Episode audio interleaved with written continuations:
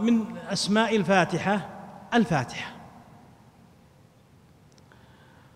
فهي سميت بالفاتحة لأنه افتتح بها كتاب الله عز وجل كما قال البخاري وغيره لأنه افتتح بها كتاب الله عز وجل. فأول سورة في المصحف هي الفاتحة أول سورة في المصحف هي الفاتحة. وأيضا هي التي يستفتح بها قراءة القرآن في الصلاة. فإن المصلي أول ما يقرأ من القرآن الفاتحة. المصلي أول ما يقرأ من القرآن الفاتحة. فهي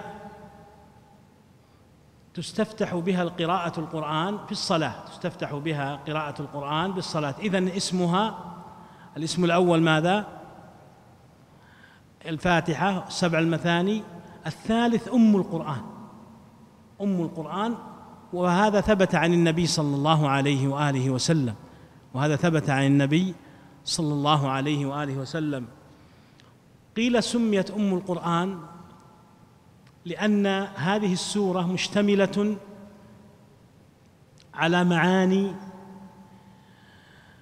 مجملة تدور عليها المعاني في القرآن. فقوله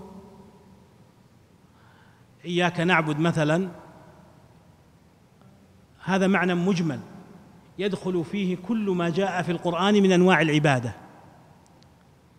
وأيضا فيها كل ما يدخل في العقائد والوعد والوعيد والفرق والملل وكذلك أيضا فيها كل ما يتعلق أصول يجتمع فيها أصول كل ما يتعلق بالأخلاق والآداب لأنها من الصراط المستقيم لأنها من الصراط المستقيم. فهي أم القرآن حيث فيها مجمل المعاني الواردة في القرآن حيث فيها مجمل المعاني الواردة في القرآن. والشيء الذي يجتمع إليه غيره يسمى اما كما ذكر ابن جرير الطبري عليه رحمة الله عن العرب أنهم يسمون كل مقدم يجتمع إليه غيره اما. فأم الرأس هنا لأن الجلد يجتمع هنا فتجتمع فيه جلدة الرأس. والمقدم من الكتيبة يسمى أما ومكة أم القرى لأنها تابعة لها لأنها تابعة لها. وبهذا نعلم أن تسمية السورة أم القرآن وهو ثابت عن النبي صلى الله عليه وسلم وقد ذكره البخاري رحمه الله وذكر سبب التسمية بالأم ومما ذكره رحمه الله. ما ذكرناه أنها تجتمع إليها معاني تجتمع إليها معاني. القرآن تجتمع إليها معاني القرآن ففيها المعاني المجملة لما فصل في القرآن فيها المعاني المجملة لما فصل في القرآن.